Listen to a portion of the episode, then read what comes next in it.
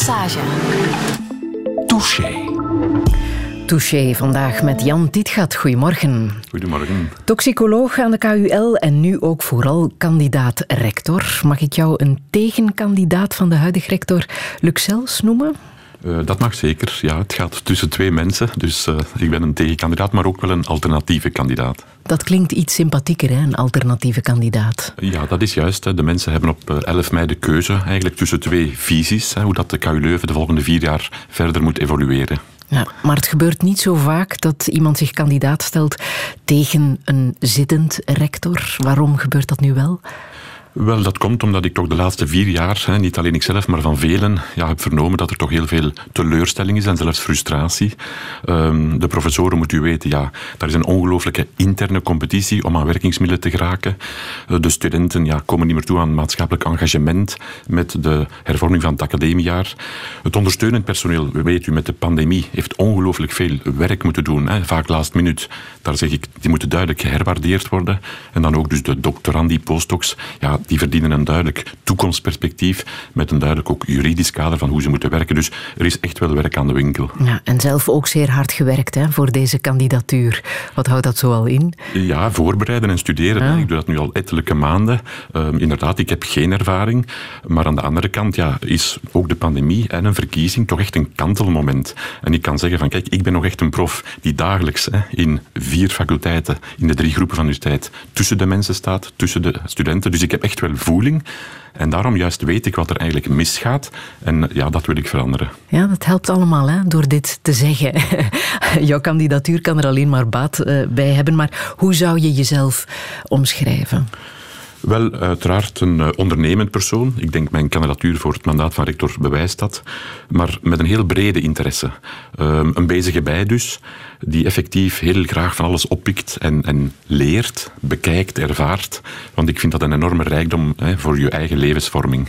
Hm, iemand die ook slechtgezind is als hij zijn zin niet krijgt? Um, ja, dat, dat, dat is zo. Um, je kan soms ja, met argumenten hè, denken, ja, maar dat moet toch zo zijn, maar je krijgt niet altijd gelijk in discussies. Hè. Dus dat gevoel van, ja, maar ik, ik heb het toch voor het rechte eind, maar het dus niet krijgen, dat kan inderdaad soms wel frustrerend zijn. Het zou kunnen dat je geen rector wordt, hè, meneer Tietgat. Ja, dat Ga kan. je dan dus... slechtgezind zijn? Wel ontgoocheld. Ik zou ontgoocheld zijn uiteraard, omdat je, ja, je moet hè, durven dromen en daarvoor gaan. Ik denk met een gezonde ambitie uh, is niets mis. Hè. Die mag nooit uiteraard arrogant zijn. Je moet luisteren naar de mensen. Maar ja, ik denk, ik krijg heel veel ja, ook mails, weet u, van mensen die zeggen, ah, proficiat voor uw moed, want je moet het toch maar doen. Hè. Uh-huh. Ik ben uiteraard toxicoloog, uh-huh. dus ik treed een beetje buiten mijn leefwereld, dat is zo. Maar ik doe dat nu al uh, ja, verschillende maanden van studie. Um, en ja, dus die, die voeling die ik heb, nogmaals met de basis, die is heel belangrijk om effectief het geweer is van schouder te willen veranderen. Ja, ja. Je bent ook iemand met een grote bewondering voor de figuur Leonardo da Vinci. Ja, dat Waarom klopt. precies? Uh, ik zou er, ja, als het kon, ongelooflijk graag eens mee gaan tafelen, ja. een pint pakken. Ja, die, die persoon is, is werkelijk een genie. Die heeft zoveel kwaliteiten en talenten in zich die ik ook als wetenschapper herken. Maar wetenschap is meer dan louter feiten en getalletjes en, en, hypotheses. Dat gaat ook heel breed maatschappelijk. En daar herken ik dus uh, Da Vinci ook in, als schilder, als architect, uh, als filosoof. Dus hij is zo compleet dat ik hem echt een, een, een genie vind. Mm, universele mens, is het ook dat? A absoluut. Hè. Ja. En die um, universele mens, daar herken ik weer eigenlijk de KU Leuven met het afleveren van universitaire diploma's, hè, universitas. Dat is echt de betrachting waar we kwaliteitsvolle diploma's, mastersdiploma's, dus naar de studenten willen afleveren met die universitas-vorming. Hè, dat je in het uh, reële leven ook klaar staat om problemen die zich aandienen ook in een soort universele uh, visie te kunnen aanpakken. Jan Tietgat, welkom in Touché. Radio massage.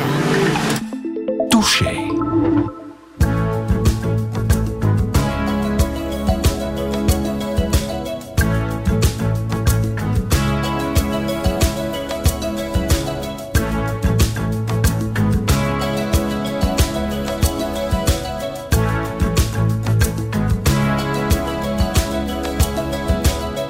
hear the drums echoing tonight, and she hears all whispers of some quiet conversation.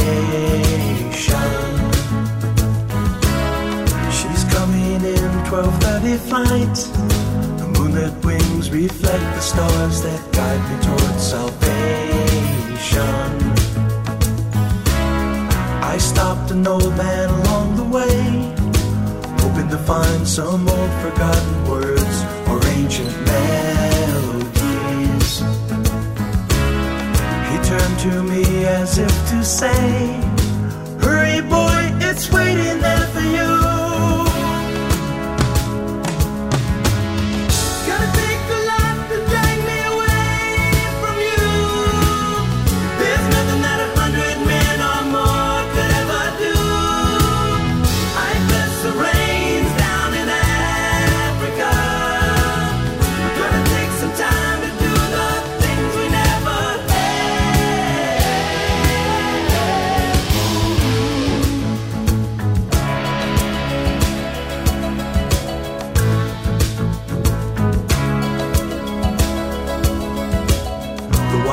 Dogs cry out in the night as they grow restless, longing for some solitary company.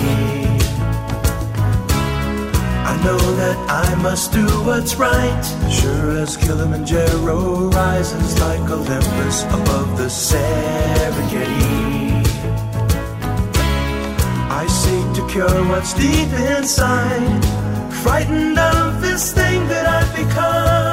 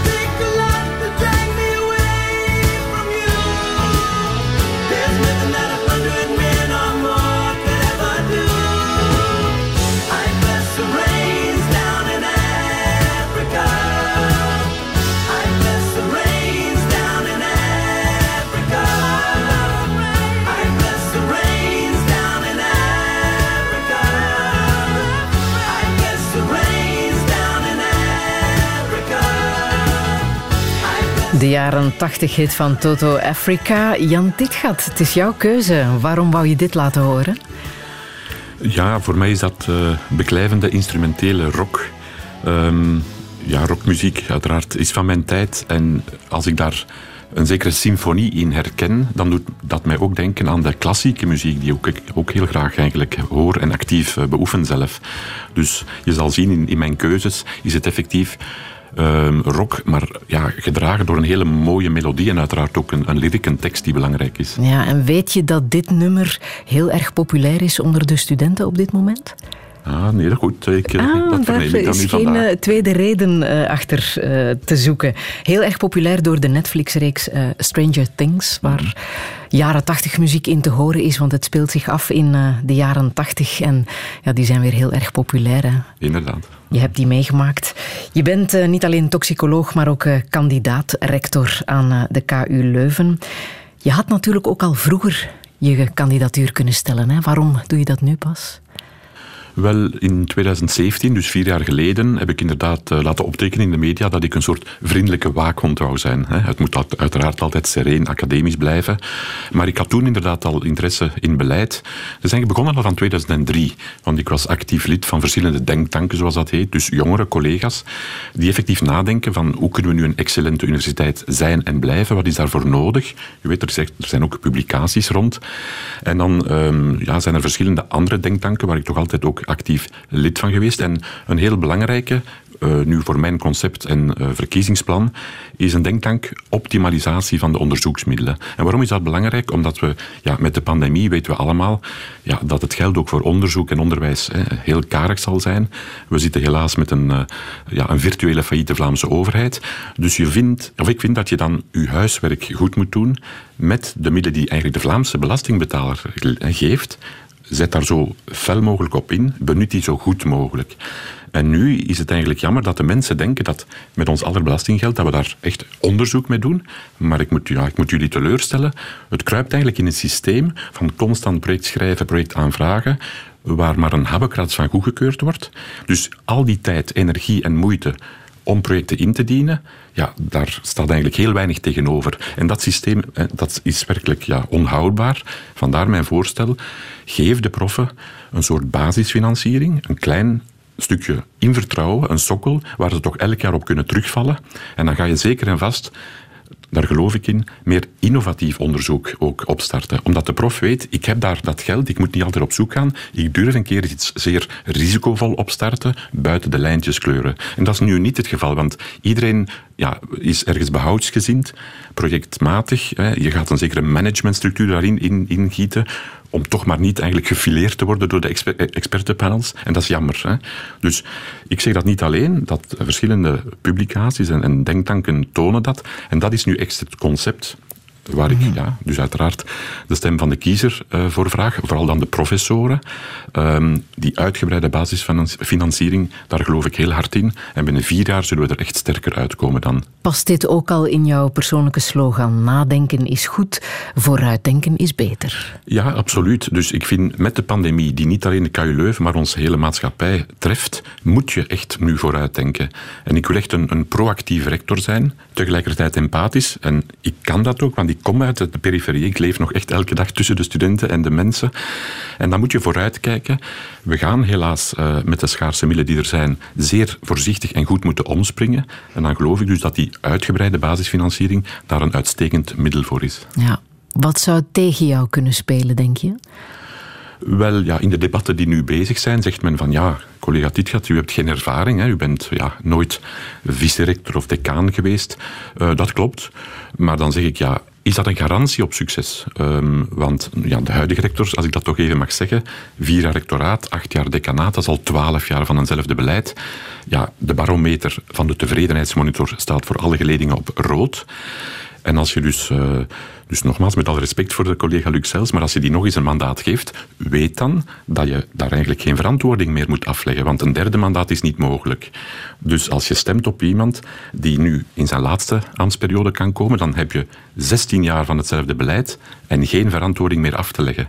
En dan meen ik toch dat er een aantal speerpunten geweest zijn van de huidige rector die niet ingelost zijn. Problemen, dossiers die nog altijd op tafel liggen. Dus dan zeg ik ja, hoe geloofwaardig is dat nog? Hè? Dat mag je toch zeggen, denk ik, als alternatieve kandidaat. En daarom geef mij ook een kans in vertrouwen. Ik vertrouw de mensen, vertrouw mij ook. Ik heb echt die voeling van wat er leeft bij de mensen. En met de pandemie is het echt een kantelmoment om toch eigenlijk dingen te moeten veranderen. Mediabekendheid is ook niet altijd een pluspunt hè, als kandidaat rector. Dat heeft uh, Rick Torfs mogen ondervinden. Heb je daar schrik voor? Um, niet zozeer, eerlijk gezegd. Um, ik heb gelukkig hè, met, met de media en de pers de voorbije 25 jaar denk ik een uitstekende relatie. Um, ik ben ook altijd blij dat ik wat toxicologie betreft tot hiertoe die wetenschappelijke hè, uh, communicatie en disseminatie kunnen geven. Want weet u, dat is eigenlijk ook een van onze taken. Wij worden betaald dus door onze Vlaamse belastingbetaler om onderwijs te geven, onderzoek te doen, maar ook effectief wetenschapscommunicatie. En dat is een belangrijk element.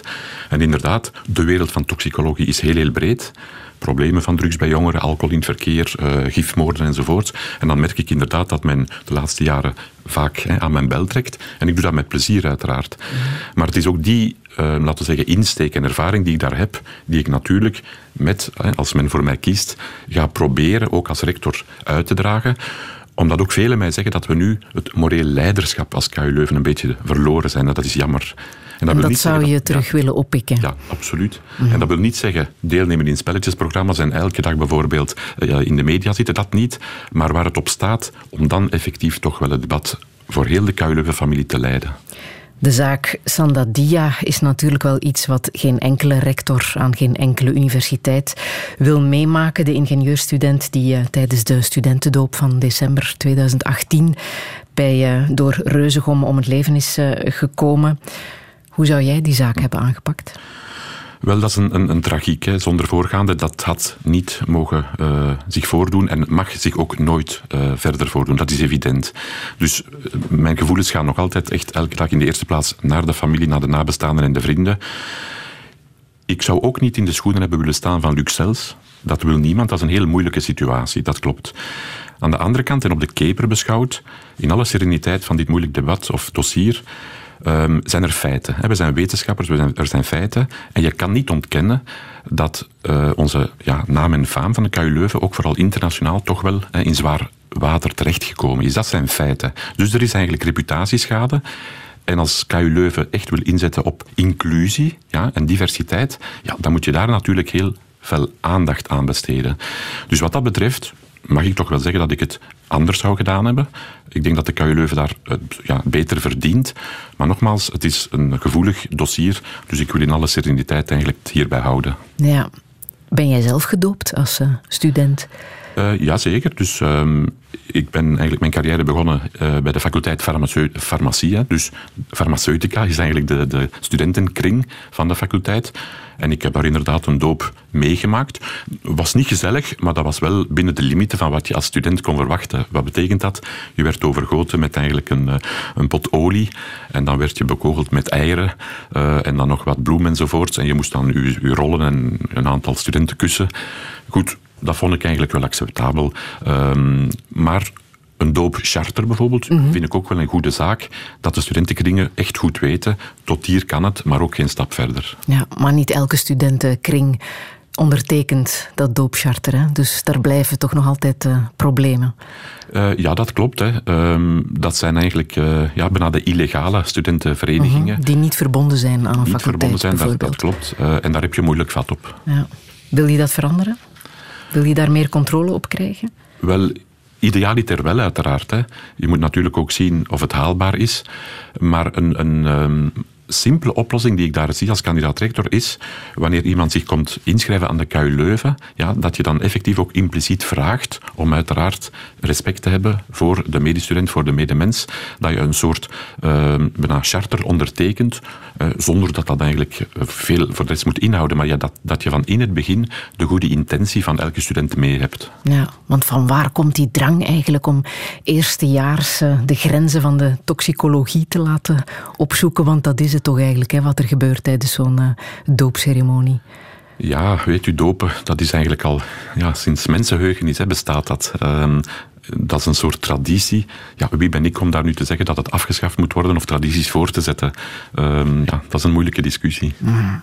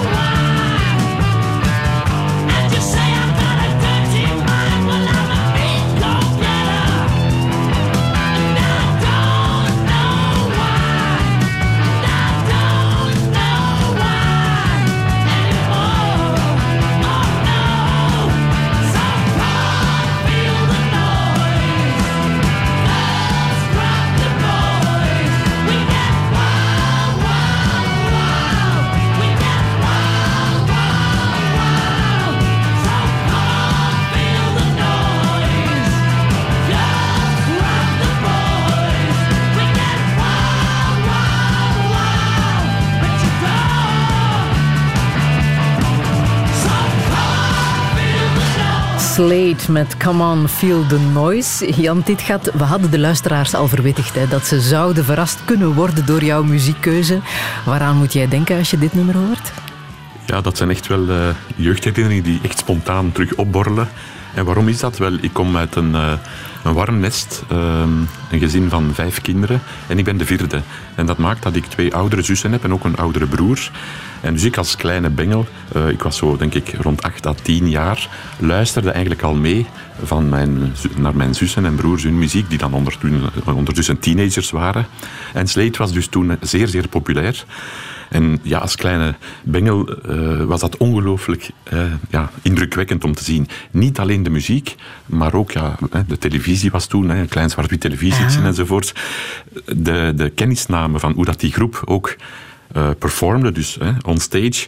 Ja, ik, ik ben daar nog altijd eigenlijk van aangedaan in die zin dat je dus uh, Noddy Holder, dus, uh, de leadzanger, met zijn heel gekke kledij, vaak met zo'n soort ja, torenhoed en dan exuberante kleurrijke kledij, die dan op het einde van het concert nog eens zijn gitaar kapot sloeg. Um, ja, als, als kleine jongen heeft dat echt wel indruk gemaakt en per slot van rekening vind ik de muziek ook wel waardevol. En je ziet dat ook in, in top 100 of 1000. Het zijn toch wel sommige nummers van de Slate die altijd terugkomen. Dus dat betekent toch iets. Wat dacht jij? Dat wil ik ook? Wel, dat wil ik ook niet, niet zozeer als, als richting, hè, of, of, maar ik heb er wel altijd van genoten. Ja, wat wou je worden als kind? Wel, ja, uh, verschillende dingen eigenlijk. Um, ik had heel veel interesse in autodesign, moet u weten. Dus Italiaanse autodesign. Vandaar ook nog mijn voorliefde over mijn uh, guilty pleasure dat ik heb, ja. een oldtimer. Dus design van uh, oude Italiaanse wagens heb ik altijd heel fijn gevonden. Ja, vele jongeren dromen ook van een piloot te worden, bijvoorbeeld.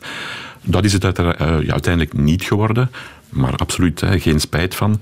Um, ik kom uit een echt warm nest, zoals u, zo, zoals u weet, met uh, ongelooflijk liefdevolle ouders. Hè. Mijn vader is een paar jaar geleden gestorven, maar mijn moeder zit ongevast te luisteren nu, een, een kloeke negentiger. Um, en die hebben ons altijd alle mogelijkheden gegeven. Dus niet echt gestuurd, ja, je moet dit worden of je moet dat volgen. Um, we konden altijd terugvallen. Er was altijd steun en raad, maar je kon echt alles kiezen wat dat je deed. En ja, zo ben ik dan toch psycholoog geworden. Ja, mag ik zeggen dat je toch een beetje als een kat bij de melk bent gezet? Ja, wetenschappelijk gezien wel. Hè. Dus, uh, Te weten wat jouw ouders deden ja, in het leven? Dus, uh, mijn mama heeft altijd een apotheek gehad. Um, en mijn vader was klinisch bioloog in een uh, ziekenhuis. En inderdaad, klinische biologie, de analyses die je doet, um, ja, dat leunt heel sterk aan bij de toxicologische analyses die wij nu doen. Vooral, ja, u weet, ik werk dagelijks voor het ministerie van Justitie. Als deskundige word ik -huh. aangesteld door een procureur, door onderzoeksrechters, bij inderdaad verdachte overlijdens, bij drugs, in beslagnames. En dus die analyses in een labo, ja, daar herken ik zeker en vast ook wel. Maar was het dan zo dat jij als kind al poedertjes zat te maken en chemische uh, combinaties zat uit te proberen? Wel, misschien niet zo extreem, uh, want dat is toch altijd gevaarlijk. Ja. zeker explosieve zaken. Maar het is er inderdaad, zoals u zegt, wel met de paplepel ingegeven, vooral eigenlijk via de natuur. En dat is eigenlijk een heel mooie en waardevolle bron. Dus mijn ouders waren altijd heel actief in de wielenwaal, en dat uh -huh. kennen we nu als natuurpunt. Ja, ja. En ook weer als kleine bengel ging ik mee en ik leerde veel over planten, paddenstoelen, vogels. En ik vind, als je zo op jeugdige leeftijd eh, ondergedompeld wordt in zoiets, dan, dan vergeet je dat niet. Dat is echt je lange termijn geheugen.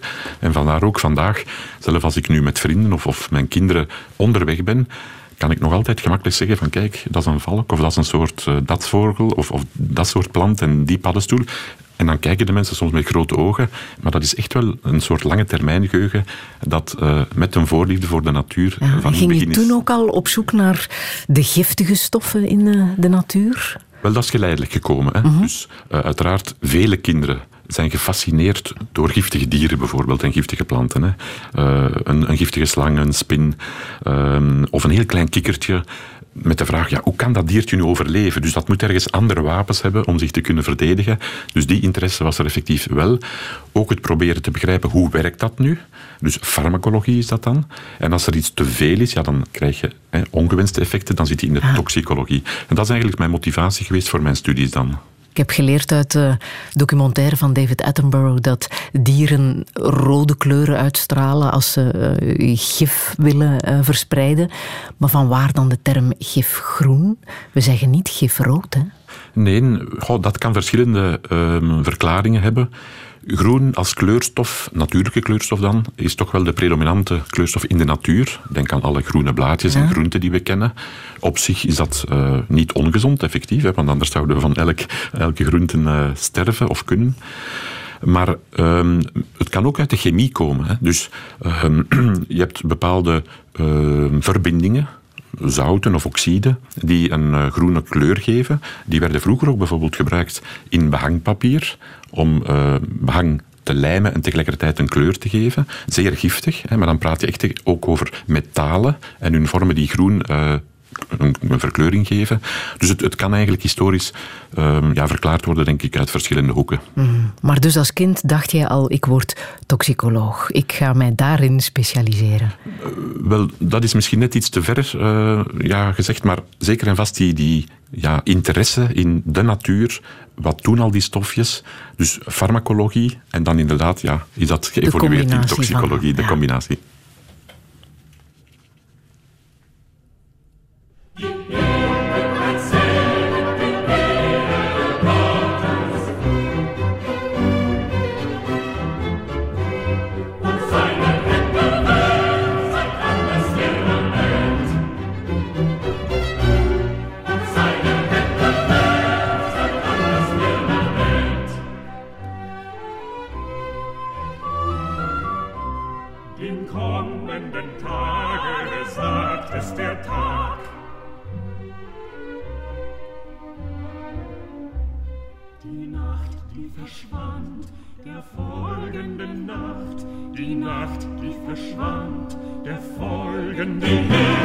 It's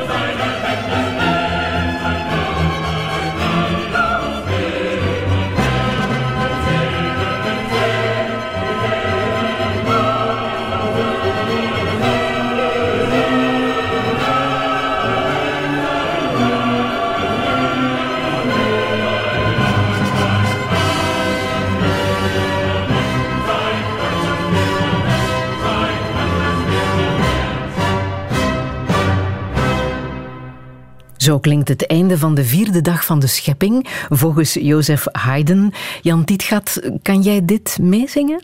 Uh, absoluut, absoluut. Ja. Uh, u zal horen, ik ben een, een diepe bas. Ja, ja, ja, En, dat hoor eh, ik. ja, ja.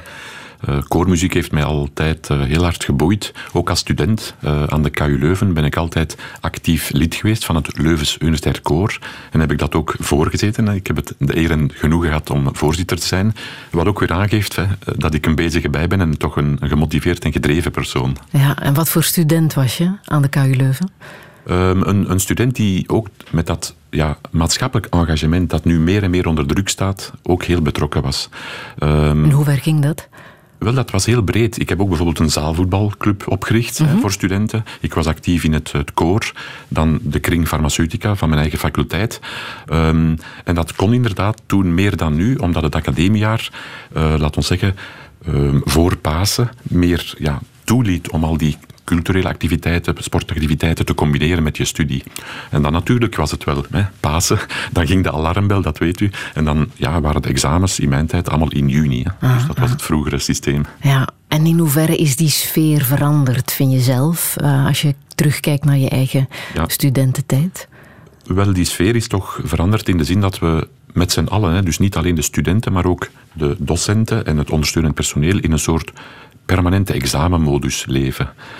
En ja, je kan daarvoor of tegen zijn, maar ik betreur dan dat dat maatschappelijk engagement achteruit gaat. Hè. Laat me één voorbeeld geven. Er zijn enorm veel studenten die tijdens de week voorbereidend werk doen om dan tijdens het weekend scouts en Giro te geven. Hè? Dus dat is een enorme maatschappelijke meerwaarde naar al die kleine kinderen in Vlaanderen die daar echt naar uitkijken. Ja, dat vraagt voorbereidingstijd.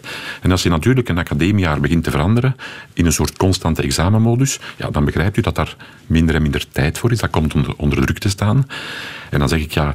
De KU Leuven is niet alleen een instelling om diploma's af te leveren. We moeten ook de mensen toelaten zo cultureel actief te zijn en ook te vormen. En ja, daarom ben ik toch ja, niet echt, loop ik niet warm voor die hervorming of die academische kalender. Je hebt het zelfs nog iets straffer verwoord. Hè? Je hebt gezegd, universiteiten zijn fabrieken geworden om diploma's af te leveren. Uh, ja, dat klopt. En dat is natuurlijk uh, ja, teleurstellend dat ik dat moet zeggen. Um, we zijn een groot fabriek geworden. Ik wil als kandidaat-rector effectief ook uh, naast dat diploma, dat ongetwijfeld een hoge kwaliteit moet blijven uitstralen, waar iedereen fier op kan zijn nadien, ook die, laten we zeggen, vijf jaar dat studenten aan de KU Leuven zijn, de mogelijkheid hebben gegeven om zich dus te ontwikkelen. Nogmaals, dat sociaal engagement is zo belangrijk voor mij. Want geef nu toe, als je aan veel studenten achteraf in hun leven vraagt, wat was nu uw, uw mooiste tijd? Bijna iedereen zegt, ah, mijn studententijd. Mm. En dan is men blij, oké, okay, ik heb een diploma behaald, men is daar fier op terecht, maar men herinnert zich ook nog die magnifieke tijd van op café gaan, een liefde zoeken, uh, actief te zijn, uh, een revue te spelen enzovoort. En dat komt nu allemaal meer en meer onder druk en dat gaat toch wel naar mijn hart. Ja, en heeft het ook te maken met het feit dat um, ja, nog weinig mensen een hele carrière lang dezelfde job uh, uitoefenen? Niet noodzakelijk, denk ik. Um, ja, wij, hè, wij muteerden minder eigenlijk, of wij mm-hmm. deden minder aan jobhobbing. Maar, maar dat zie ik niet direct in verband staan met eigenlijk de manier waarop nu eigenlijk anders wordt lesgegeven. Dat is gewoon, dat zijn nieuwe uitdagingen in de maatschappij. Um, die ook goed kunnen zijn. Hè. Dus een, een jonge afgestudeerde kan uiteraard met al wat sneller van de ene job naar de andere door te groeien, juist bijleren. Hè. Dat is een, een, vorm van permanente leren en dat is absoluut op zich goed. Mm. Wat je daarnet al zei, hè, je houdt je nu vooral bezig met drie kerntaken. Dat is uh, onderwijs, onderzoek en dienstverlening. En qua onderzoek is dat uh, als hoofd aan uh, het labo van toxicologie en farmacologie. Um, wat wordt daar precies onderzocht? Is dat in één woord samen te vatten? Jazeker. Wel, we hebben een component um, fundamenteel onderzoek. Uh, daar ben ik heel actief met mijn medewerkers om nieuwe geneesmiddelen te zoeken. Nieuwe generatie antibiotica, nieuwe generatie pijnstillers of antiepileptica. Mm-hmm. En dan is de natuur weer onze ja, inspiratiebron. Ik ga één voorbeeldje geven. Bijvoorbeeld een, een spin of een schorpioen waar iedereen schrik van heeft. Ja, die moet zich verdedigen tegen insecten, hè, want dat is geen insect. Dus die gifklier van die diertjes zit vol met unieke moleculen die insecticiden zijn, maar die ook wel natuurvriendelijk zijn en geen resistentie geven. Dus daar kunnen we uit leren. En dan proberen we die te karakteriseren en zien of dat die kunnen gebruikt worden als een nieuwe generatie insecticiden. Dus dat is een voorbeeldje van het echt fundamenteel onderzoek, drug discovery zoals men zegt. Aan de andere kant doe ook veel onderzoek en die fameuze maatschappelijke dienstverlening in de forensische toxicologie of gerechtelijke geneeskunde en toxicologie. Dus ik heb een heel, heel eh, goede en dankbare samenwerking met de wetartsen van Leuven, dus de eh, forensische geneeskunde staf. En dagelijks, eh, ja, ik denk dat we in Leuven echt fier mogen zijn, dat we dus door het ministerie van Justitie worden gevraagd, het Openbaar Ministerie, voor onze deskundigheid. Ehm, en dat kan gaan dus van een inbeslagname van drugs tot een verdacht overlijden, tot een gifmoord, tot een verdacht dat daar plots circuleert.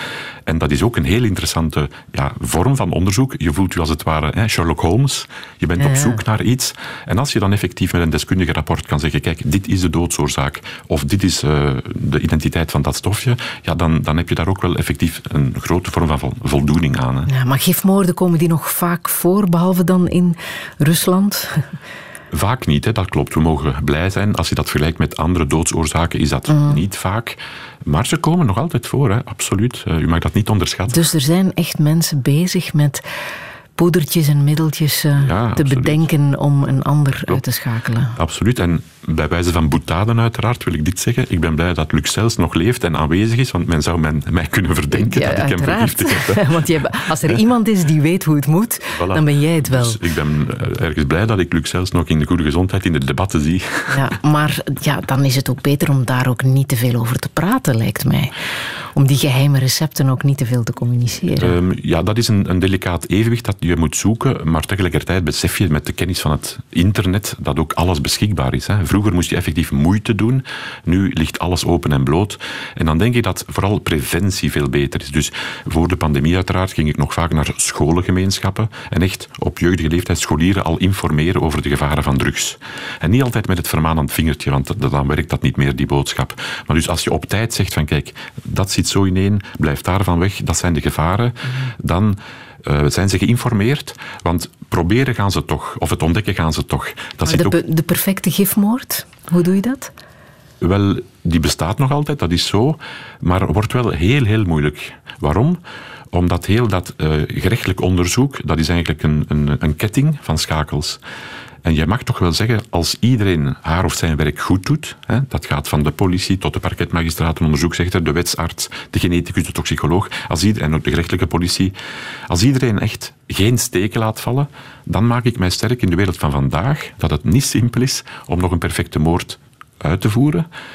Natuurlijk, als er door omstandigheid zo één stukje van die schakel of ketting ontbreekt, dan kan het wel. Wat is gif precies? Wanneer wordt iets als gif gecatalogiseerd? Wel, wanneer dat in uw lichaam, dat stofje, een eh, ongewenst effect of een nadelig effect eh, uitoefent.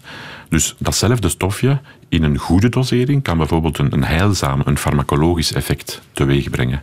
En bijvoorbeeld insuline is een mooi voorbeeld. Hè. Insuline op zich is eigenlijk wel een gevaarlijk eiwitje, maar levensnoodzakelijk. Hè. Als je gezond bent, wordt dat eh, vanzelf geregeld.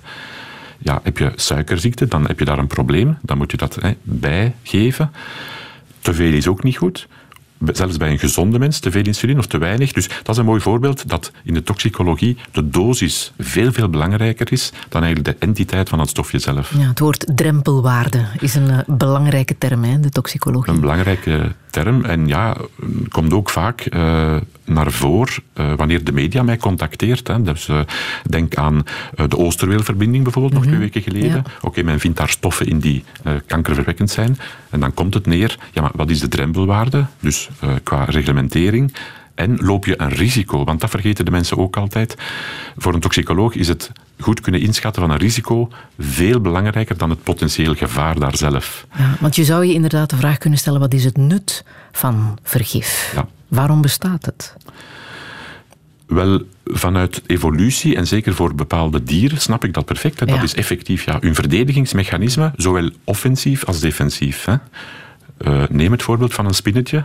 Die kan haar gif gebruiken om te eten, hè, vliegen en, en andere insecten. En die gaat zich ook verdedigen.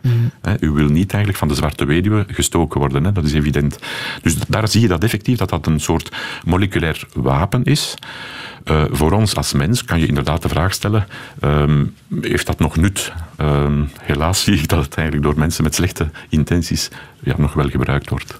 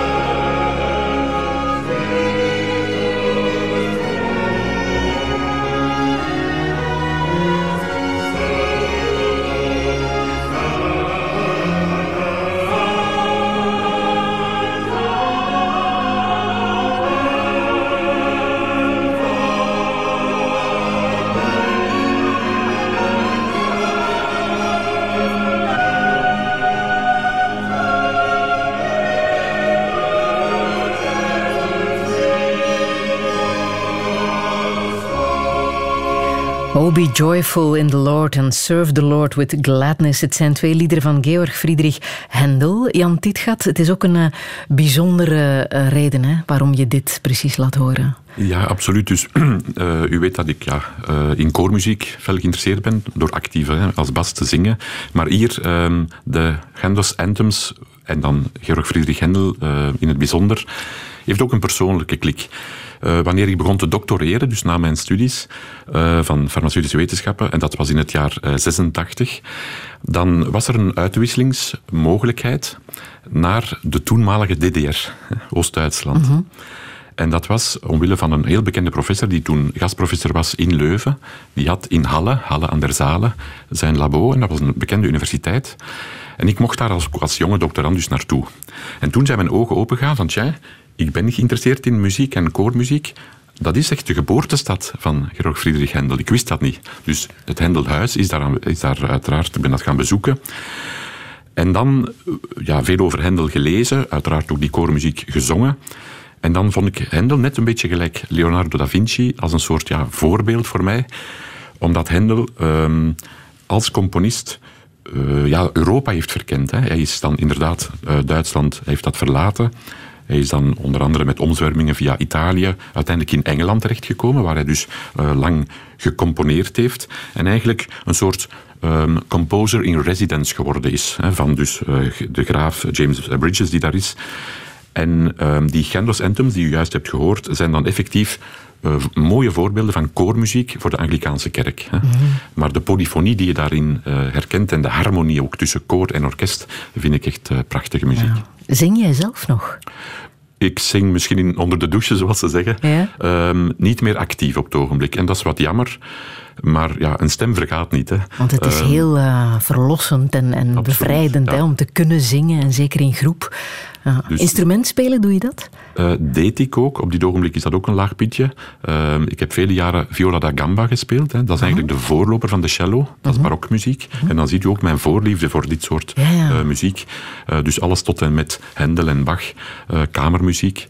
Maar ja, die draad hoop ik ook terug op te nemen wanneer de tijd er terug voor is. Dat zal misschien moeilijk zijn als je straks eh, rector wordt.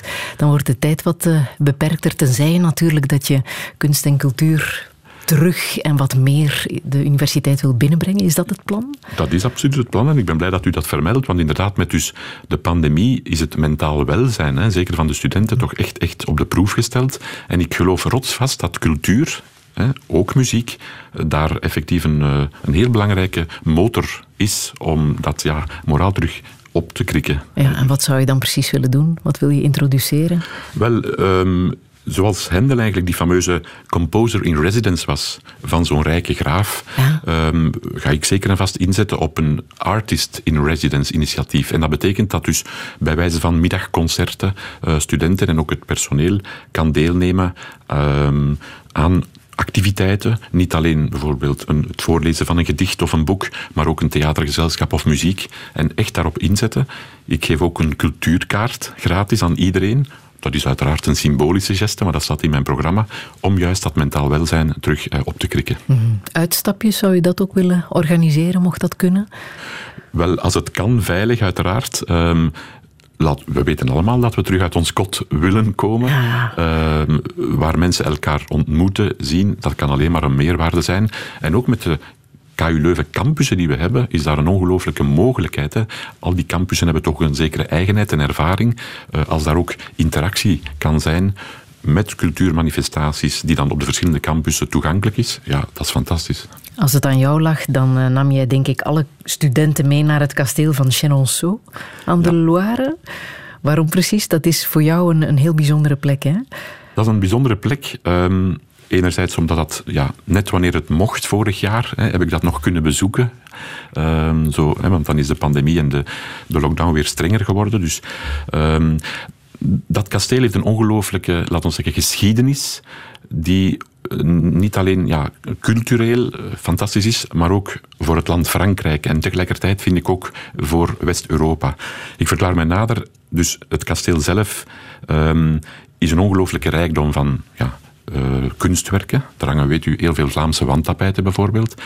En tegelijkertijd zie je daar ehm, een evolutie, hoe dat de eerste koningen, hè, want Frankrijk was een koninkrijk, hoe dat daar via vele intriges enzovoort eh, de politiek eh, van Frankrijk vorm heeft gekregen, met dan uiteindelijk de, de Franse revolutie en het ontstaan van de eerste Franse republiek.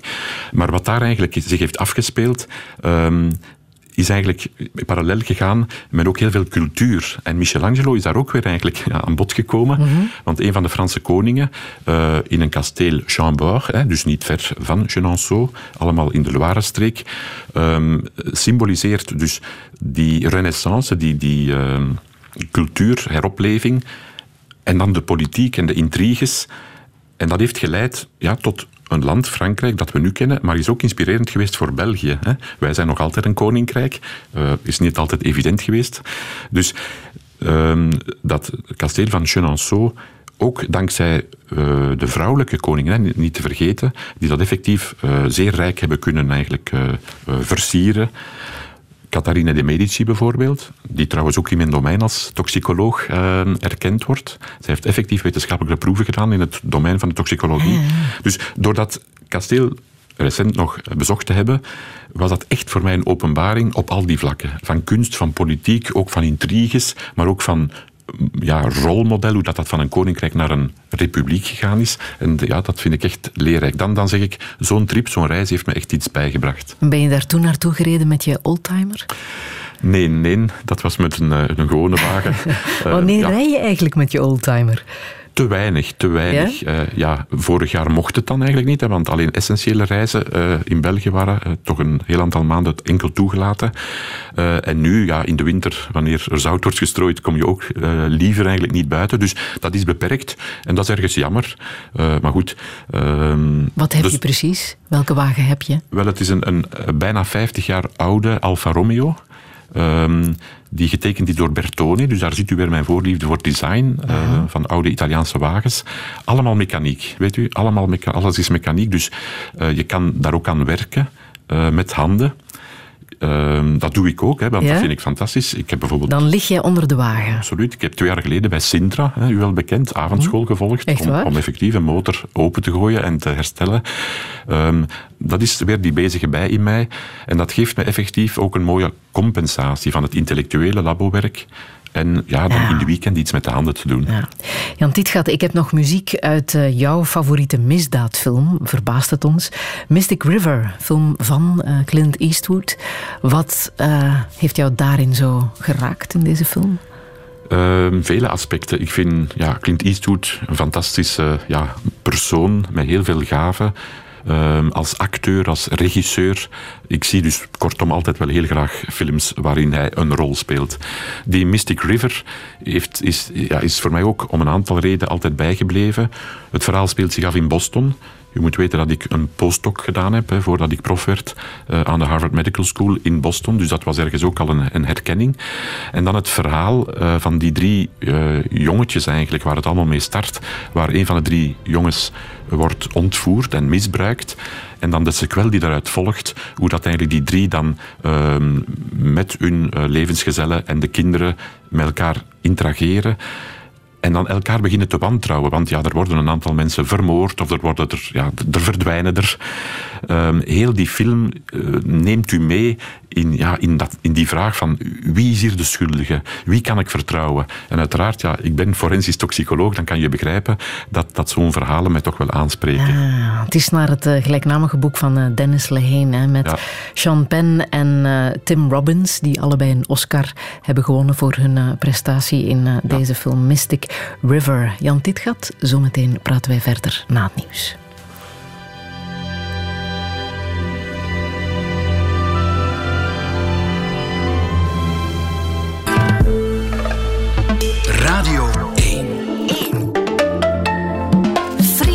Lassage. Touché. Touché met toxicoloog Jan Tietgat. Als kind werd hij door zijn ouders als een kat bij de melk gezet. Niet alleen waren zij bioloog en apotheker, ze waren ook lid van de Wielenwaal, de natuurvereniging waar hij gefascineerd raakte door alles wat giftig is. Ook al weet hij precies met welk goedje hij een tegenstander zou kunnen uitschakelen, toch blijft hij mild voor zijn medemens. Als kandidaat rector voor de KU Leuven ziet hij zichzelf vooral als een alternatief, meer dan een opposant.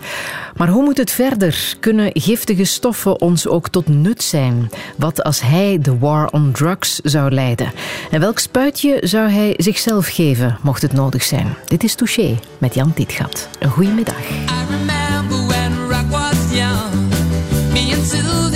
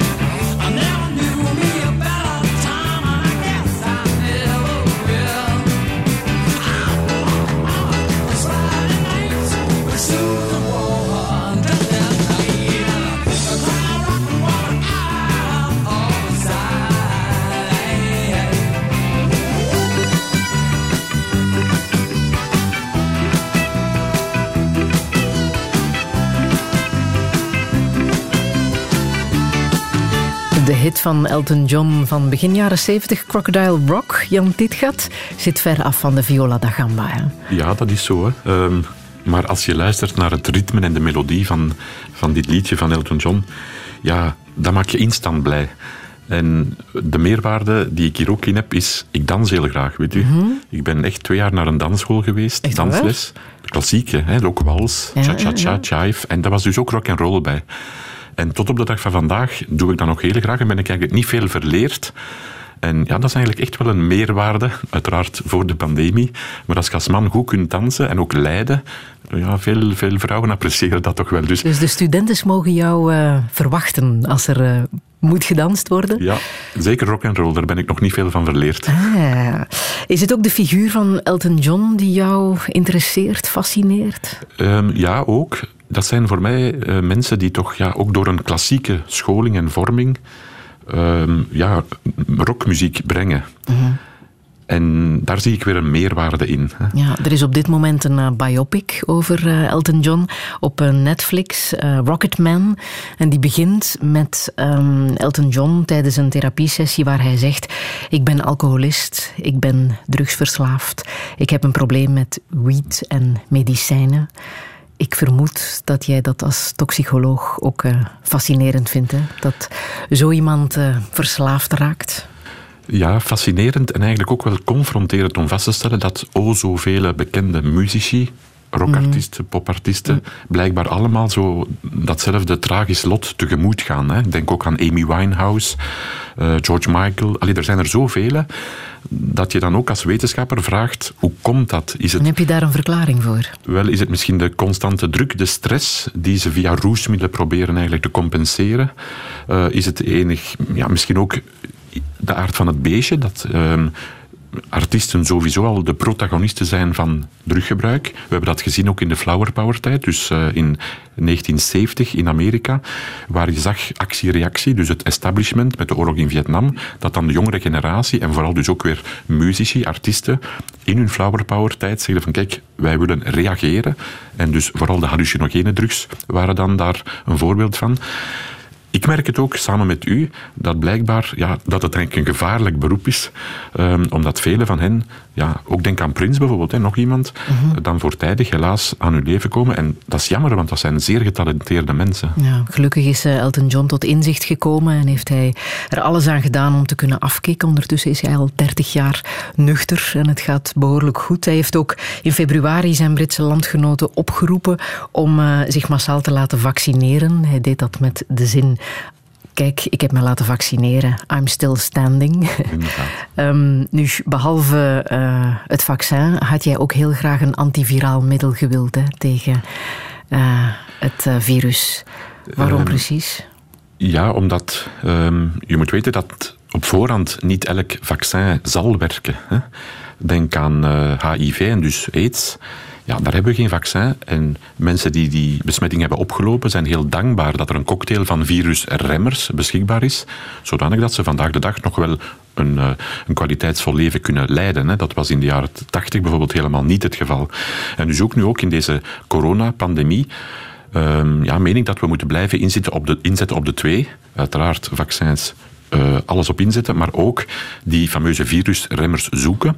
Omdat ik daar ook op korte termijn echt wel het voordeel in zie. Hè. Beeld Op in- welke manier kan dat Ja. ook nog nuttig zijn? Wel, als één of een cocktail van stofjes bijvoorbeeld in een soort spray kan verwerkt worden en je kan die, wanneer je naar buiten wil komen, naar een theater, een restaurant, ehm, sprayen, bijvoorbeeld in de neus, in de mond, dan kan dat een bescherming geven om besmet te worden. Hè? Dus, en als iedereen dat doet, ja, dan zijn we toch een stapje verder. Dus het is een en-verhaal.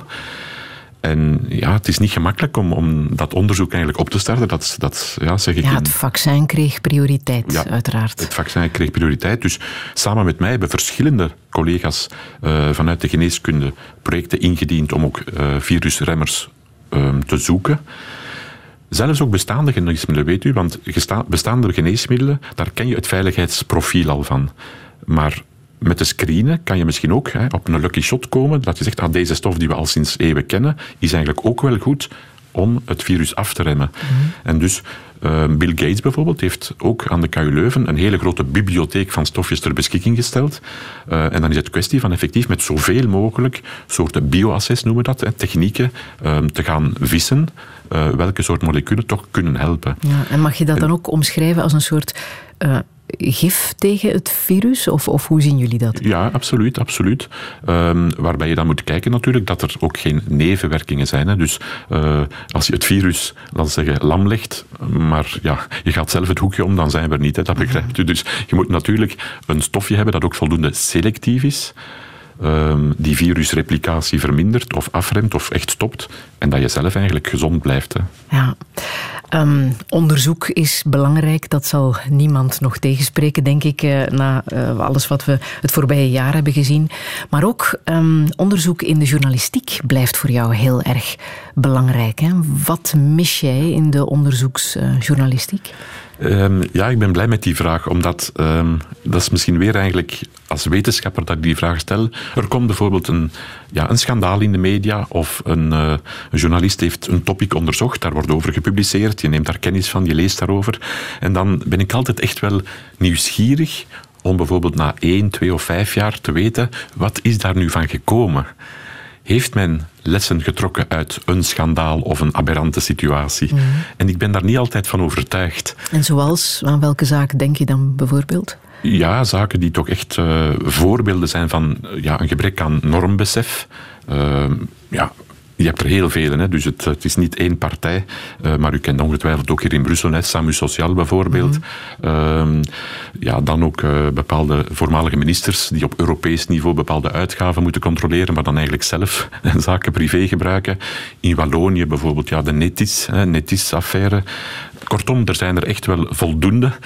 Waar ik inderdaad geïnteresseerd ben van, kijk, dat is aan, ja, aan, aan het licht gekomen. Iedereen zal zeggen, dit kan niet. Hè. Maar wat gebeurt er nadien? Wordt er dan hè, voor die mensen toch nog op een of andere manier gezorgd? Want u moet weten, als wetenschappers frauderen, hè, terecht worden ze dan effectief verbannen. Dan is echt uw carrière gedaan. Je krijgt eigenlijk geen tweede kans. Hè. Dat is maar goed ook. Hè. Je moet daar echt paal en perk aan stellen. Dat is de integriteit en de ethiek van de wetenschap. En soms heb ik de, het gevoel dat, ja, meer in de politiek, dat al die mensen eigenlijk nog wel eens een tweede leven eh, gegund worden, zelf al zijn ze duidelijk in de fout gegaan. Dus een soort onderzoeksjournalistiek om na te gaan, wat is hier nu van gekomen? Dat zou ik wel fijn vinden. Je geeft mij een beetje een open doel om nu de vraag te stellen, meneer Tietgat, wat is er eigenlijk met het fipronil-schandaal gebeurd van een aantal jaren geleden? Hoe is dat afgelopen? Wel, ehm, de rechtszaken zijn eigenlijk op dit ogenblik bezig. Hè. Dus ehm, ik denk een week of twee geleden ehm, zijn ze van start gegaan. Hoe zat dat ook alweer? Wel, dat was eigenlijk de onrechtmatige en niet toegelaten um, of gebruik en toevoeging van een, um, een stofje, fipronil, die tegelijkertijd, tegelijkertijd tegen insecten werkt, maar ook tegen um, spinachtige. En uh, dat mag in sommige toepassingsgebieden gebruikt worden, maar niet bij de pluimveehouders. En blijkbaar hebben een aantal um, pluimveehouders in Vlaanderen ja, bewust of onbewust, dat laat ik echt in het midden, um, zich middeltjes laten aansmeren om uh, kippenstallen te ontsmetten. Hè. En natuurlijk, het is een effectief middel, hè, maar als het niet mag, mag het niet, dat is duidelijk. En jij was um, ook mee onderzoeker in die zaak? Wel, ik ben daar absoluut nooit officieel in betrokken geweest, maar wel ook door de media over bevraagd geweest, ook hier in de VRT. Um, omdat er natuurlijk die bezorgdheid was van, mogen we nog uh, kippenvlees eten, mogen we nog eieren eten? Um, en toen werd gezegd, dit gaat zaait paniek en verwarring. Wel, dat betreur ik. Hè, dat betreur ik omdat, je moet weten, die resultaten die um, met die fipronilcrisis beschikbaar waren, de ene week was dat ook anders dan de andere week, omwille van bijkomende metingen. En zoals ik in het begin heb gezegd, een toxicoloog moet een risico-inschatting maken. En in het begin met de beschikbare cijfers was dat prima, maar ja, als er dan door nieuwe metingen alarmerende waarden, die fameuze drempelwaarden waar u het over had, overschreden worden, ja, dan moet ik uiteraard in alle eerlijkheid zeggen, op, opgelet op basis van wat we nu weten, ja, is het wel gevaarlijk of niet gevaarlijk? En daar betreur ik dat er inderdaad wat ruis geweest is op de communicatie, ook met het federaal agentschap. Want ik heb altijd in eer en geweten gebruik gemaakt van de cijfers die, die, ja, die mij beschikbaar uh, gemaakt werden. Wat heb je daar zelf uit geleerd, uit heel die zaak? Um, ja, dat je wetenschapscommunicatie moet blijven doen, in eer en geweten, eerlijkheid. Het is waarheidsbevinding. Als wetenschapper moet je altijd naar de waarheid zoeken. Je mag je nooit laten beïnvloeden. Hè. Maar het is ja, soms wel dans op een slappe koord. Mm -hmm. Omdat ja, voor andere mensen um, ja, wordt het als bedreigend gezien. Een wetenschapper mag nooit, laten we zeggen, beleidsmatige uitspraken doen of, of kritiek geven. Ik vind, je moet durven zeggen waar het op staat en binnen eigenlijk je expertise-domein blijven. Of dat dat nu aangenaam nieuws is of niet voor de beleidsmakers, dat vind ik, het is wat het is. Maar ook niet verder gaan dan dat. Ja, is dat het moeilijke evenwicht? Wetenschapper blijven en niet de mogelijkheid hebben om beleidsmatig iets door te duwen? Um, dat is geen gemakkelijke oefening. We zien dat nu ook met de virologen, uiteraard. Hè. Dus um, uh, dat is niet gemakkelijk, maar finaal gesproken moet je dat toch wel effectief blijven doen. Wij zijn geen beleidsmakers uh, in een regering of uh, in een stad of uh, ook geen politie. Je bent wetenschapper en dat is een van die drie kerntaken naast onderwijs en onderzoek. Ja. De mensen correct informeren. Ja.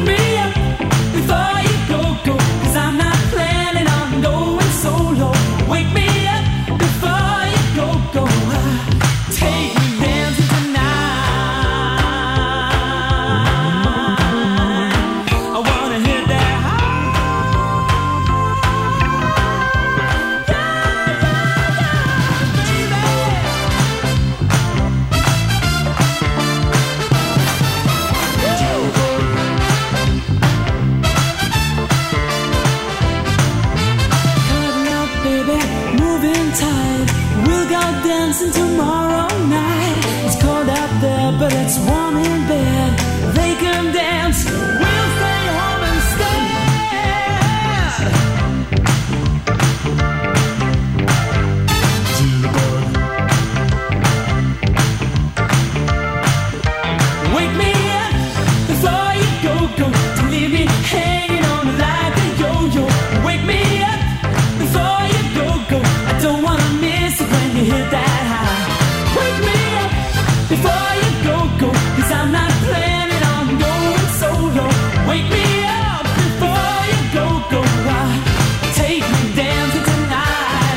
80 komen echt helemaal terug hè, met deze touché. Jan, dit gaat je eh, vroeg WEM met Wake Me Up Before You Go Go. Heeft veel te maken met George Michael. Absoluut, een, ja, een betoverend figuur. Helaas, hij is niet meer, uh, is ongeveer mijn leeftijd. Maar zowel eh, ja, Wem, de groep, en dan nadien ook zijn solo-carrière niet te vergeten, is ronduit indrukwekkend. Als je echt luistert naar al die ja, liedjes die hij gecomponeerd en, en gebracht heeft, eh, chapeau, ik vond dat een heel grote eh, meneer.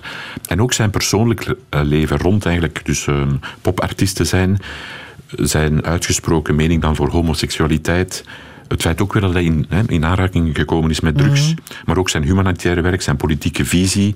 En dan ja, helaas zijn overlijden. Ja, dat heeft mij ergens wel ook professioneel geboeid om dat te volgen. Maar dus de muziek zelf, fantastische artiest. Ja, hij heeft zelfs eh, vier weken in de gevangenis gezeten wegens het eh, bezit van eh, drugs. Jijzelf pleit voor een andere kijk op drugs, meer bepaald op, op cannabis. Volgens jou zou dat moeten gelijkgesteld worden met alcohol en, en tabak. Waarom precies? Ehm, ik ben blij dat u duidelijk het verschil maakt tussen hè, dus de cannabis en de andere drugs. Hè. Eh, dus we praten niet over cocaïne, heroïne en ecstasy. Dat is voor mij echt veel te gevaarlijk om dat bijvoorbeeld te reguleren. Maar inderdaad, cannabis, alcohol en tabak of nicotine, daar zie ik toch wel voordelen om te reguleren, omdat je dan eigenlijk zo weinig mogelijk maatschappelijke nadelen hebt, zowel voor het individu als voor ons allemaal. En ik maak vaak de volgende vergelijking. Als u nu straks, zondagmiddag, eh, een glaasje wijn drinkt, dan drinkt u eigenlijk in vertrouwen een drug. Alcohol is ook een drug. Maar als u een glasje wijn drinkt, dan weet u met één glaasje dat u eventueel nog een fiets of een voertuig mag besturen. En dat u ook niet blind gaat worden, want het is de ethanol die daarin zit. Dus ik bedoel, regulering van alcohol heeft ook zijn voordelen. hè. Je kan dat in vertrouwen dan nuttigen, uiteraard met verstand. Ja, het is een gecontroleerde drank die mag verkocht worden. Exact. Ja. En die ergens een, een consensusmodel geworden is onze maatschappij. Het is niet de bedoeling om nieuwe eh alcoholiekers te kweken en zo, maar het is een consensusmodel dat toch wel werkt voor velen. Dat is nu niet zo met cannabis. Nogmaals, ik zit echt ehm, in de praktijk elke dag.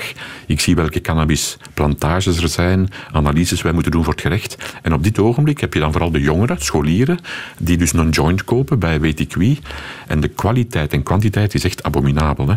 Daar zitten residu's in van pesticiden, schimmels op enzovoort, zware metalen. En dat wordt allemaal maar opgerookt. En dan denk ik, ja, dat, Dat, kan, kan, toch je niet weten als je dat, dat kan dan je koopt. inderdaad niet weten. En als je dat gaat reguleren, gaat het probleem niet volledig weg zijn. Dat beseffen we. Dus nicotine en tabak is ook gereguleerd, maar er blijven mensen roken. Hè.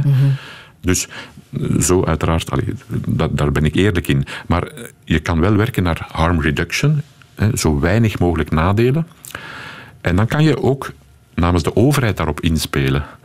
Want u moet weten dat die cannabisplant die heeft ook ongelooflijk veel voordelen. Je kan die gebruiken voor textiel, voor papier, voor isolatie van woningen. En dus ook in het Verenigd Koninkrijk zijn ze al ver voor. Dan kan je dus bepaalde cannabissoorten met vergunning laten kweken. En er zijn effectief gegadigde bedrijven die dat willen doen. En net zoals eigenlijk een voedingsinspecteur hè, op pad sturen, kan je dan ook bij die cannabisbedrijven en kijken, oké, is deze soort die je kweekt, bevat die veel van dat actieve THC, of weinig of niets? Dus dat is te controleren. En dan kan je dat qua aanbod ook ergens re- reguleren. Net gelijk bij alcohol. Dat je zegt, een klassiek pintje onder de 16 kan niet. Sterke drank vanaf 18 jaar. Dat zijn de modaliteiten die je dan tenminste kan bespreken. En dan heb je heel die criminele wereld ook ergens wit gewassen. Dan, maar in positieve zin.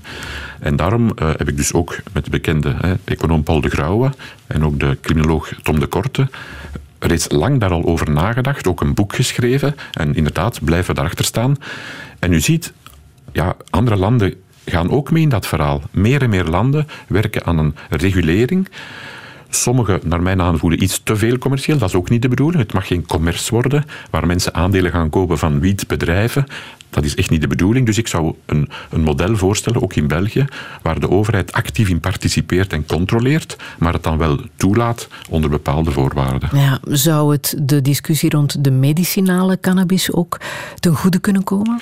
Absoluut. Ehm, de medicinale... Want er zijn ja. bepaalde patiënten die daar effectief wel mee eh, gediend zijn. Hè? MS-patiënten, Parkinson-patiënten. Klopt. Maar de drempel dus om medicinale cannabis te krijgen blijft heel, heel hoog. Dus zo zelfs voor een MS-patiënt, je hebt dus een, eh, een voorschrift van een neuroloog nodig. Je moet het in een ziekenhuisapotheek behalen. En dus daar vind ik dat de overheid niet echt consequent is. En dat zou ook mijn boodschap zijn aan de minister van Volksgezondheid. Maar goed, ik ben wetenschapper, dus ik moet voorzichtig zijn Ja, in ja. adviezen. dat weet u. Maar cocaïne bijvoorbeeld en morfine, dat zijn echte harddrugs. Die worden gebruikt met een medisch verantwoord hè, eh, inzicht. Denk aan geriatrie, pijnkliniek en ook neus-, keel- en ooronderzoek, cocaïne. Niemand maalt daarom, dat kan. En ik ben blij daarom, hè, dat is gecontroleerd.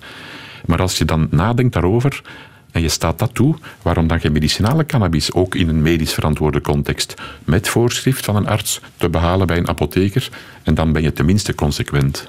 Stel dat jij burgemeester was van Antwerpen, hoe zou jij de war on drugs aanpakken? Wel, ik, ik, ik zou dat ergens eh, ja, gemodelleerd doen. Voor de cannabisproblematiek eh, die er is, zou ik echt zeggen, laat ons daar door reguleren het probleem te beheersen. Maar dan voor de cocaïne die u weet, en ook andere eh, gevaarlijke drugs, ecstasy, heroïne, pleit ik toch nog altijd voor een war on drugs. En waarom? Omdat je uw lichaam geen tweede kans geeft bij deze laatste. Dus je hebt nooit een overdosis cannabis met direct overlijden. Dus je hebt eigenlijk nog een tweede kans. Een persoon gaat wel een psychose hebben, maar je hebt nog een kans om te remediëren en te zeggen: pas op, doe dat niet meer. Maar bij cocaïne, heroïne, ecstasy, overdosis, Is er het is geen gedaan. tweede kans. En daarom vind ik dat te gevaarlijk om te vertrouwen eigenlijk op het inzicht van de mensen. Hoe verklaar je dat eigenlijk, dat zoveel mensen die roes mm, nodig hebben, mm, dat we verslaafd raken aan dat soort middelen? Wel, dat zit echt in onze genen. Hè? Dat zit in onze genen. En ook uiteraard eh, is omgevingsbepaald, in welk milieu dat je opgroeit.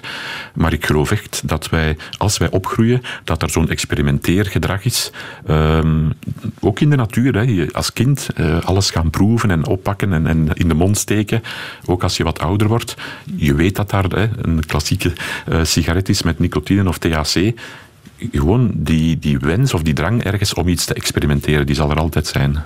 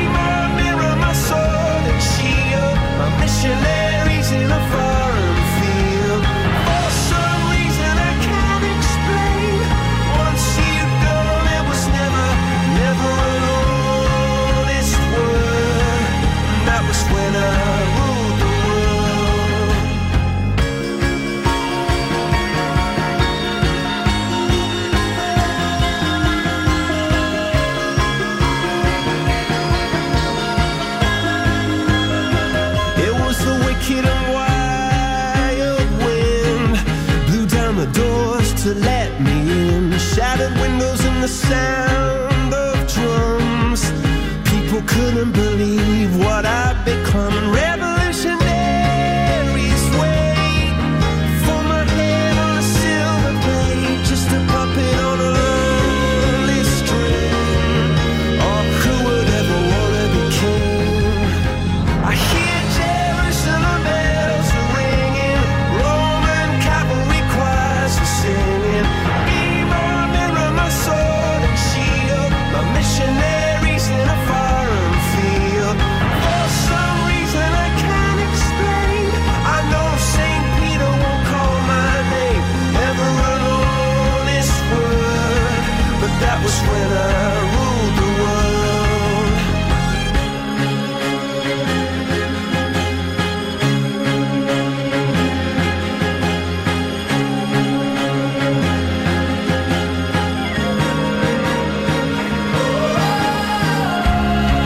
Viva la vida van eh, Coldplay. Jan Tietgat, waarom wou je dit laten horen?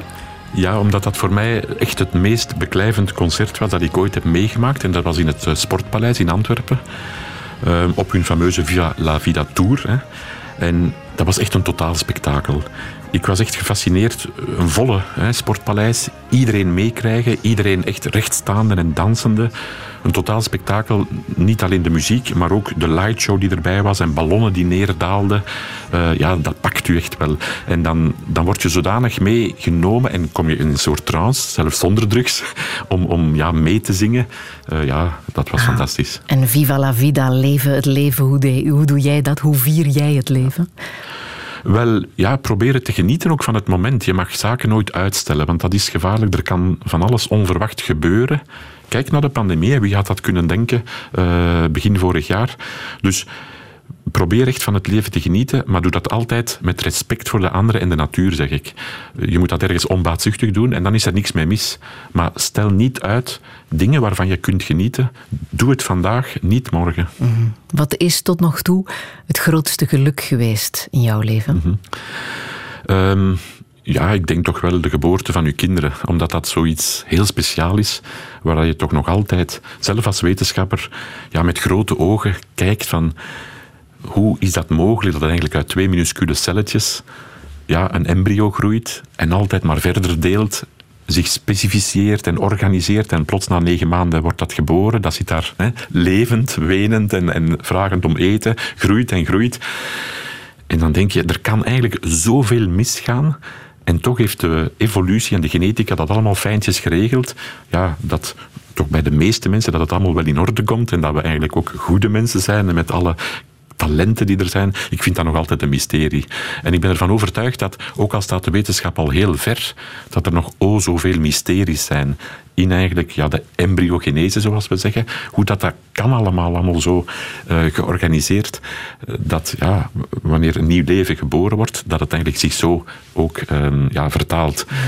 Want als ik dat nog mag als voorbeeld geven, als je nu kijkt ook naar de dieren, hè, ehm, exotische dieren planten zich voort, dan is het voor mij ook altijd een wonder dat je zegt, ah, daar komt een babytje of een kindje af uit van die dieren en die hebben ook weer echt die typische karakteristieken van hun ouders. Logisch. Maar dat is allemaal genetica. En dan zeg je in ons genoom, wat bepaalt nu juist dat hè, wanneer eh, twee dieren zich voortplanten, dat daar eenzelfde dier uitkomt en bij ons uiteraard een babymens. Ik vind dat fascinerend hoe dat, dat allemaal eigenlijk toch geregeld is. En op welke manier lijken jouw kinderen op jou? Ehm, niet noodzakelijk op, op, op vele eh, vlakken. Mijn kinderen zijn bijvoorbeeld geen wetenschappers, die hebben andere richtingen gekozen. Wat is er van hen geworden? Wel, één is jurist, hè, die heeft rechten gedaan. Eh, één architect.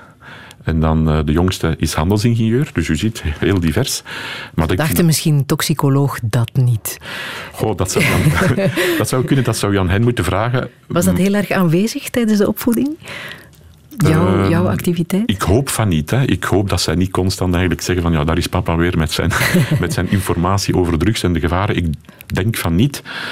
Maar ook die verscheidenheid van uw opleidingen, als we dan samen zijn, ja, dat is een, een heel boeiende discussie altijd. Hè, want iedereen eh, voedt het gesprek met haar of zijn invalshoek en ik vind dat magnifiek. Ja. Ik denk, als je de keuze had gehad, dat jij geen toxicoloog in Leuven was, maar op de Caraïben.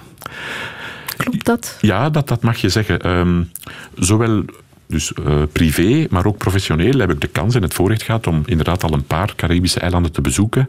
En dus de biodiversiteit van die eilandengroep is fantastisch. Hè? Iedereen weet natuurlijk het mooie klimaat en de stranden en het, eh, het snorkelen en zo.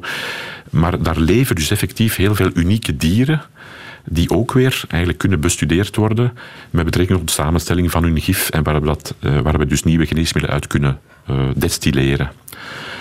Maar ook het klimaat. Hè. Ik vind het klimaat...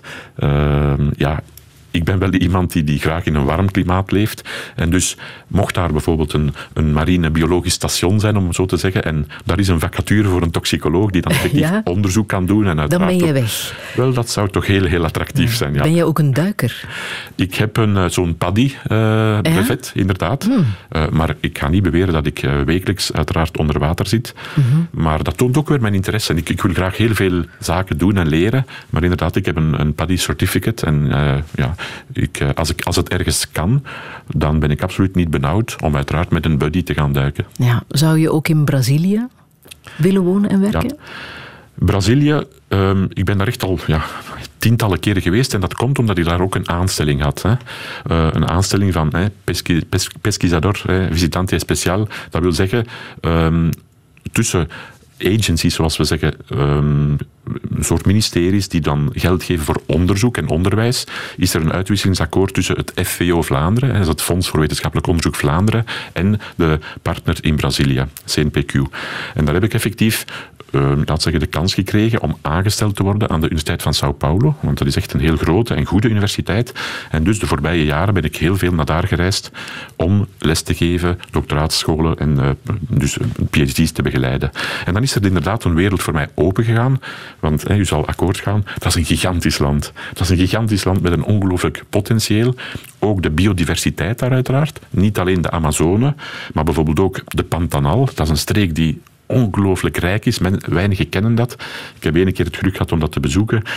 Dus het is zowel qua biodiversiteit, maar ook qua bevolking, hè, die etnische mix, die, die, ja, die, die uh, warmte die van de mensen uitstraalt. En dan uiteraard het klimaat, ja, maakt dat een land voor mij dat zowel professioneel, maar ook privé eigenlijk toch heel attractief is, dat klopt. Maar het voorbije coronajaar had je daar denk ik niet echt willen zijn. Nee, nee dat klopt. Uh, nu in, in mijn boekje bijvoorbeeld, met vouchers van uitgestelde reizen, zijn er vier à vijf reizen naar Brazilië die on hold staan, evident, uh, die uitgesteld worden. We zullen zien wanneer het terug kan. Maar zelf als we hier in België en Europa hopelijk snel terug een soort uh, algemene immuniteit krijgen en een vaccinatiepaspoort, zie ik het inderdaad voor landen zoals Brazilië en Zuid-Afrika nog niet voor morgen in orde komen. En ja, wij moeten dat ook beseffen, hè, dat we er een voordeel bij hebben, dat hoe sneller heel de wereld gevaccineerd geraakt, dat dat ook in ons voordeel is. Ja, ben jij ziek geweest? Uh, nee, ik ben nog niet ziek geweest. Ik ben ook nog niet gevaccineerd. Hè, dus, uh, is nee. dat niet opmerkelijk? Oh, kijk, je kan dat opmerkelijk noemen, maar ik wil effectief wel voorrang geven aan de mensen met onderliggende ziekte, aan de ouderen. Uh, die hebben het echt nodig. Dus... Um, Samen met mijn medewerkers uh, werken wij elke dag nog op het labo, omwille van de dienstverlening, dus voor justitie. We zijn ja, hyper voorzichtig, bij manier van spreken. Dus alle, alle maatregelen volgen we na. Uh, ook familiaal thuis, de bubbel, et cetera. Ik ben blij dat ik tot hiertoe inderdaad nog altijd gezond ben. Zeker nu ook in deze verkiezingscampagne. Maar ik ben inderdaad nog niet, niet gevaccineerd. Nou, ben jij ooit in het ziekenhuis beland? Heb jij ooit aan de morfine gelegen? Nee, gelukkig is mijn gezondheid sterk. En uh, ja, je moet dat geluk hebben, hè, want ik leef echt wel mee met mensen die ja, voortijdig toch uh, een zware ziekte meemaken of ergens echt een slecht nieuwsbericht krijgen. Dat is echt erg. Ze kunnen daar ook niet aan doen. Um, het ergste, maar dat is dus heel, heel mineur, hè, dat ik uh, een keer op vakantie heb meegemaakt. We waren aan het zeilen en ik kom terug samen met de familie uh, aan de kant. En in een poging om eigenlijk de, de camera niet in het water te laten vallen, ja, misstap ik mij met het uitstappen bij een zeilboot en kom ik ergens met mijn linkerarm terecht uh, tegen of tussen stalen kabels die dan eigenlijk de mast uh, verzekeren op de boot. En dat, ja, dat was echt van een zeer, zeer diepe snee. Dus dan zijn we direct uh, naar spoedgevallen geweest en ik heb daar nu nog twee littekens van. Maar goed, dat is uiteraard mineur. Hè. Dat is, Hebben ze daar maar, verdovende middelen gebruikt om jou te kalmeren? Ik heb dan toch wel pijnstillers gekregen, dat klopt. en op dat ogenblik weet je het natuurlijk niet. Hè. Dat is... gevaarlijk. Maar nogmaals, dat, dat, dat is echt ja, een bagatel als het ware met mensen die echt wel het serieus iets meemaken met hun gezondheid. Ja, want in ziekenhuizen bijvoorbeeld worden wel dat soort middelen gebruikt, hè? Uh, medicinaal. Ja, en ik ben daar blij om. Um, mensen moeten beseffen dat we dankzij uh, medisch onderzoek toch effectief wel tools aanreiken die maken dat we een verlengde levensduur hebben. Dus onze levensverwachting mm-hmm. is niet slecht. Dus als toxicoloog wil ik geen doemdenker zijn en zeggen ja, het is allemaal slecht in de maatschappij, de lucht is vervuild enzovoort. Nee, je moet ook goede evoluties zien. Bijvoorbeeld de uitstoot van zware metalen, om maar iets te noemen. Uh, daar ook hormoonverstorende stoffen enzovoort. We zijn er meer dan ooit ons van bewust. En ik vind het feit dat de levensverwachting voor mannen en vrouwen dat die toch altijd langer wordt, ja, is een teken dat we het niet slecht doen. Mm-hmm. En als je ooit voor jezelf een cocktail zou moeten maken als het zover is, wat voor uh, spuitje zou je jezelf dan geven? Wat mag daarin zitten? Wel, hopelijk nooit natuurlijk, hè, maar omdat u die vraag toch stelt. Ik hoop het ook niet hoor voor u. Nee, nee, ja, ehm, een, een zachte dood. Hè. Ik denk, als je effectief om een of andere reden, nu, nu zeg ik het heel abstract, er dan toch een einde aan moet maken, doe het dan zo pijnloos mogelijk. En dan zou je iets moeten zoeken dat je dus eerst in een diepe slaap terechtkomt. En dat je eigenlijk niet meer uit die slaap ontwaakt, omdat je dan effectief door zuurstoftekort in een coma komt en dan komt te overlijden. Dat denk- is wat nu ook gebeurt als het nodig is, bij euthanasie bijvoorbeeld. Ja, dat kan je zo zeggen. En ook in Amerika, in sommige staten, waar dan veroordeelden effectief een, een dodelijke injectie krijgen. hè.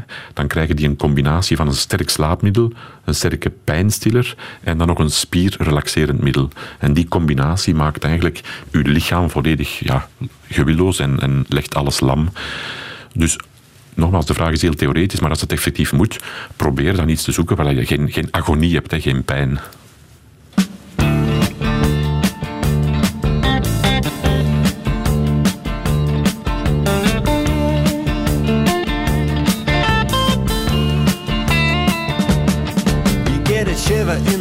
Dark, it's raining in the park, but meantime. Sound of the river, you stop and you hold everything. A band is blowing Dixie, double fall time. You feel alright when you hear the music ring.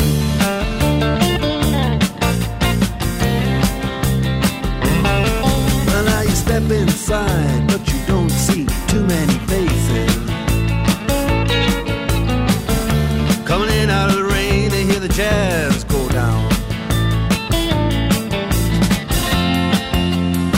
Competition in other places. Uh, But the horns, they blowing that sound. Way on down south. Way on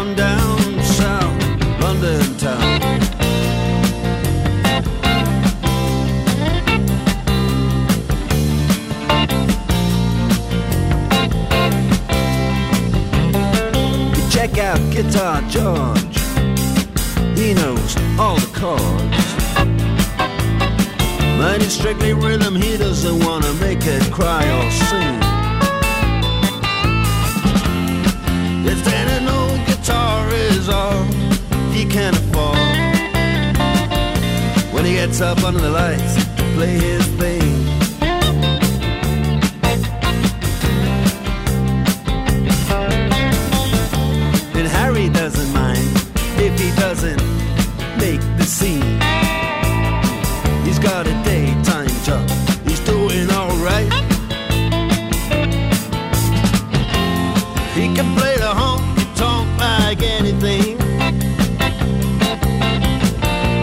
Saving it up Friday night.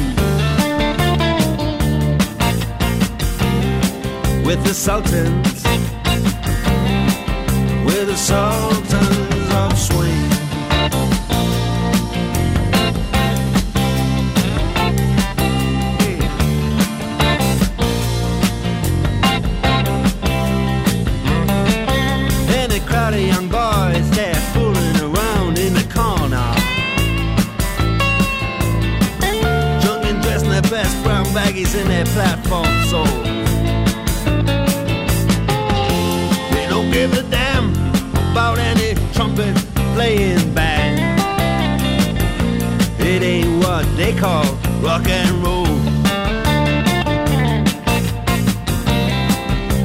Sultans yeah, the Sultans that play Creole. Creole.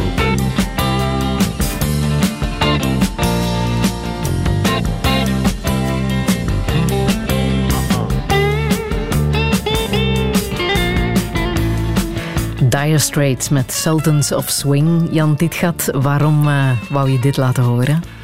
Ja, de naam swing zegt het al. Hè. Dus u weet, ik dans graag. Hè. Swingen en rocken, dat is een beetje dezelfde bewegingen. Maar ook het gitaarspel. Hè. Het gitaarspel van eh Dire Straits is zo hoog, zo'n hoog niveau, ja, dat je daar alleen maar weer bewondering kan voor hebben. En dat gitaarspel geeft dan ook weer dat ritme. En dit, dit liedje eh, ja, is, is voor mij ook, zal altijd in de top 5 bijvoorbeeld staan. Ehm, omdat het zo compleet is. Maar vooral dan dus die gitaren, dat vind ik magnifiek hier. Begin dit jaar ben je 58 geworden? Ja, dat klopt. Ja, wat zou je echt nog willen in het leven, behalve natuurlijk het rectorschap? Ja, een, een moeilijke vraag. Ehm, ik denk dan, dat is misschien verrassend om zo te antwoorden, maar ook ik denk aan Toon Hermans, die een heel mooi versje heeft geschreven, waar eigenlijk uit blijkt van, eh, sta ook open voor het onverwachte. Want vaak uit het onverwachte kan je iets, iets tegenkomen. En als je dat eigenlijk te gefocust op voorhand ehm, ja, betracht, dan kan je daar eigenlijk ongelukkig voor worden. Dus als je zegt, wat wil je nog in het leven? Ik sta open en het toeval speelt daar ook een rol in. En de tijd, en je moet ergens op een bepaald moment aanwezig zijn. Dat zijn dus heel veel variabelen. Maar ik denk dat ik echt gelukkig kan zijn met echt dat onverwachte dat zich nog kan aanbieden. In, in alle kleuren en vormen die het dan kan zijn. Want stel dat je rector wordt, dan stop je ook als onderzoeker aan de universiteit. Ja, dus als ik Is dat wel een goede keuze? Voor de maatschappij, voor ons. Wel, er zijn andere toxicologen ook, uiteraard. Hè. Dus eh, ehm, dat is één. Uiteraard, inhoudelijk kijk ik enorm uit hè, naar de inhoud van zo'n eh, mandaat van rector, omdat dat echt een bevoorrechte functie is. Je kan effectief een maatschappelijk debat ehm, voeren en ook voor de KU Leuven terug opeisen, want we zijn dat wat verloren. En die bevoorrechte functie, daar kijk ik naar uit. Ook het beleidsmatige. Het zal iets nieuws zijn voor mij, maar de voorbije toch meer dan twintig jaar, kan ik zeggen, in een soort microcosmos van toxicologie, ja, run ik ook al eigenlijk een business. Uiteraard is de KU Leuven veel, veel groter. Er zullen nieuwe uitdagingen zijn, maar ik kijk effectief uit omdat ik altijd beleidsmatig die interesse heb en nog heb, of had en nog heb, ehm, het schrikt mij dus zeker niet af. Ehm, en dat is een uitdaging. Het is voor vier jaar. Hè. Kan dan verlengd worden, uiteraard. Ehm, dus het is, ook geen beslissing die ja, forever is, uiteraard. Het is een tijdelijk mandaat. Maar ik geloof erin. En dan hoop ik dat we ja, met heel die KU Leuven-familie met de neus allemaal in dezelfde richting naar 2025 kunnen gaan, want dat is een heel belangrijk moment. Dan is de KU Leuven 600 jaar oud, dus van erfgoed gesproken. En ik zou een ongelooflijke gelukkige rector zijn, mocht ik dat uiteraard met iedereen kunnen vieren en organiseren. Ja, en dan zal er gedanst worden. Zoveel is duidelijk. Dan hebt u een punt, dan zal er inderdaad eh, toch wel een, swing of een rock'n'roll gedanst worden. Ja, dat is duidelijk. Welke boodschap wil je hier nog meegeven? Wel een boodschap van luisteren naar elkaar en vertrouwen. En dat is niet alleen met de ja, verkiezing nu voor de KU Leuven en rectormandaat, dat is eigenlijk breed. Ik vind vaak in de maatschappij, eh, het woord woke komt ook zo dikwijls, hè, ben je woke of te woke? Ik vind dat we meer naar elkaar moeten luisteren in de eerste plaats. Want luisteren is ook een vorm van respect hebben. En dan kan je de mening van een andere ook ergens eh, ja, inschatten. En als je luistert naar elkaar, dan is voor mij ook belangrijk dat je vertrouwen moet hebben in wat de andere zegt. Dat is een medemens. Luister, schenk vertrouwen. En weet je waarom? Als je vertrouwen hebt in een ander mens, dan schept dat ook zelfvertrouwen. En dat zelfvertrouwen bij iedereen, en zeker ook aan de KU familie, als je dat effectief kan beogen, weet u dat zelfvertrouwen, dat verlegt grenzen. En dan zijn we er. Dat is eigenlijk mijn boodschap. Ik heb nog eh, Something Got Me Started. Mike Hucknall. Waarom? Omdat we daar goed kunnen op dansen? Ja, ook. En ook omdat ik die in Rock Werchter heb gezien. Dus dat is echt is een, een live... Simply Red, ja. Simply Red, inderdaad.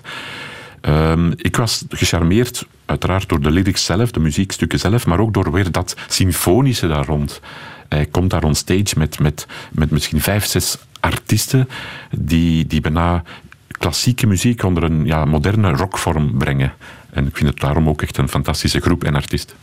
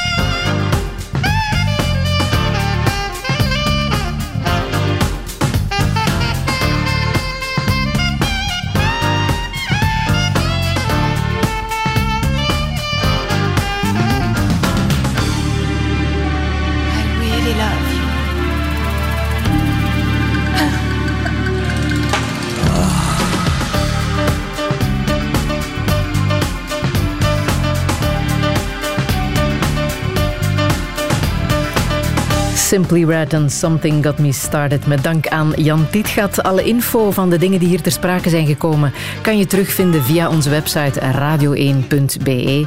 En volgende week komt Senne Misplon hier vertellen wat hem raakt in het leven. Hij is woordvoerder van Wel Jong Niet Hetero. En ik wens eh, jou en iedereen nog een heel fijne zondag. Herbeluister Douché via de podcast, de Radio 1-app en radio1.be.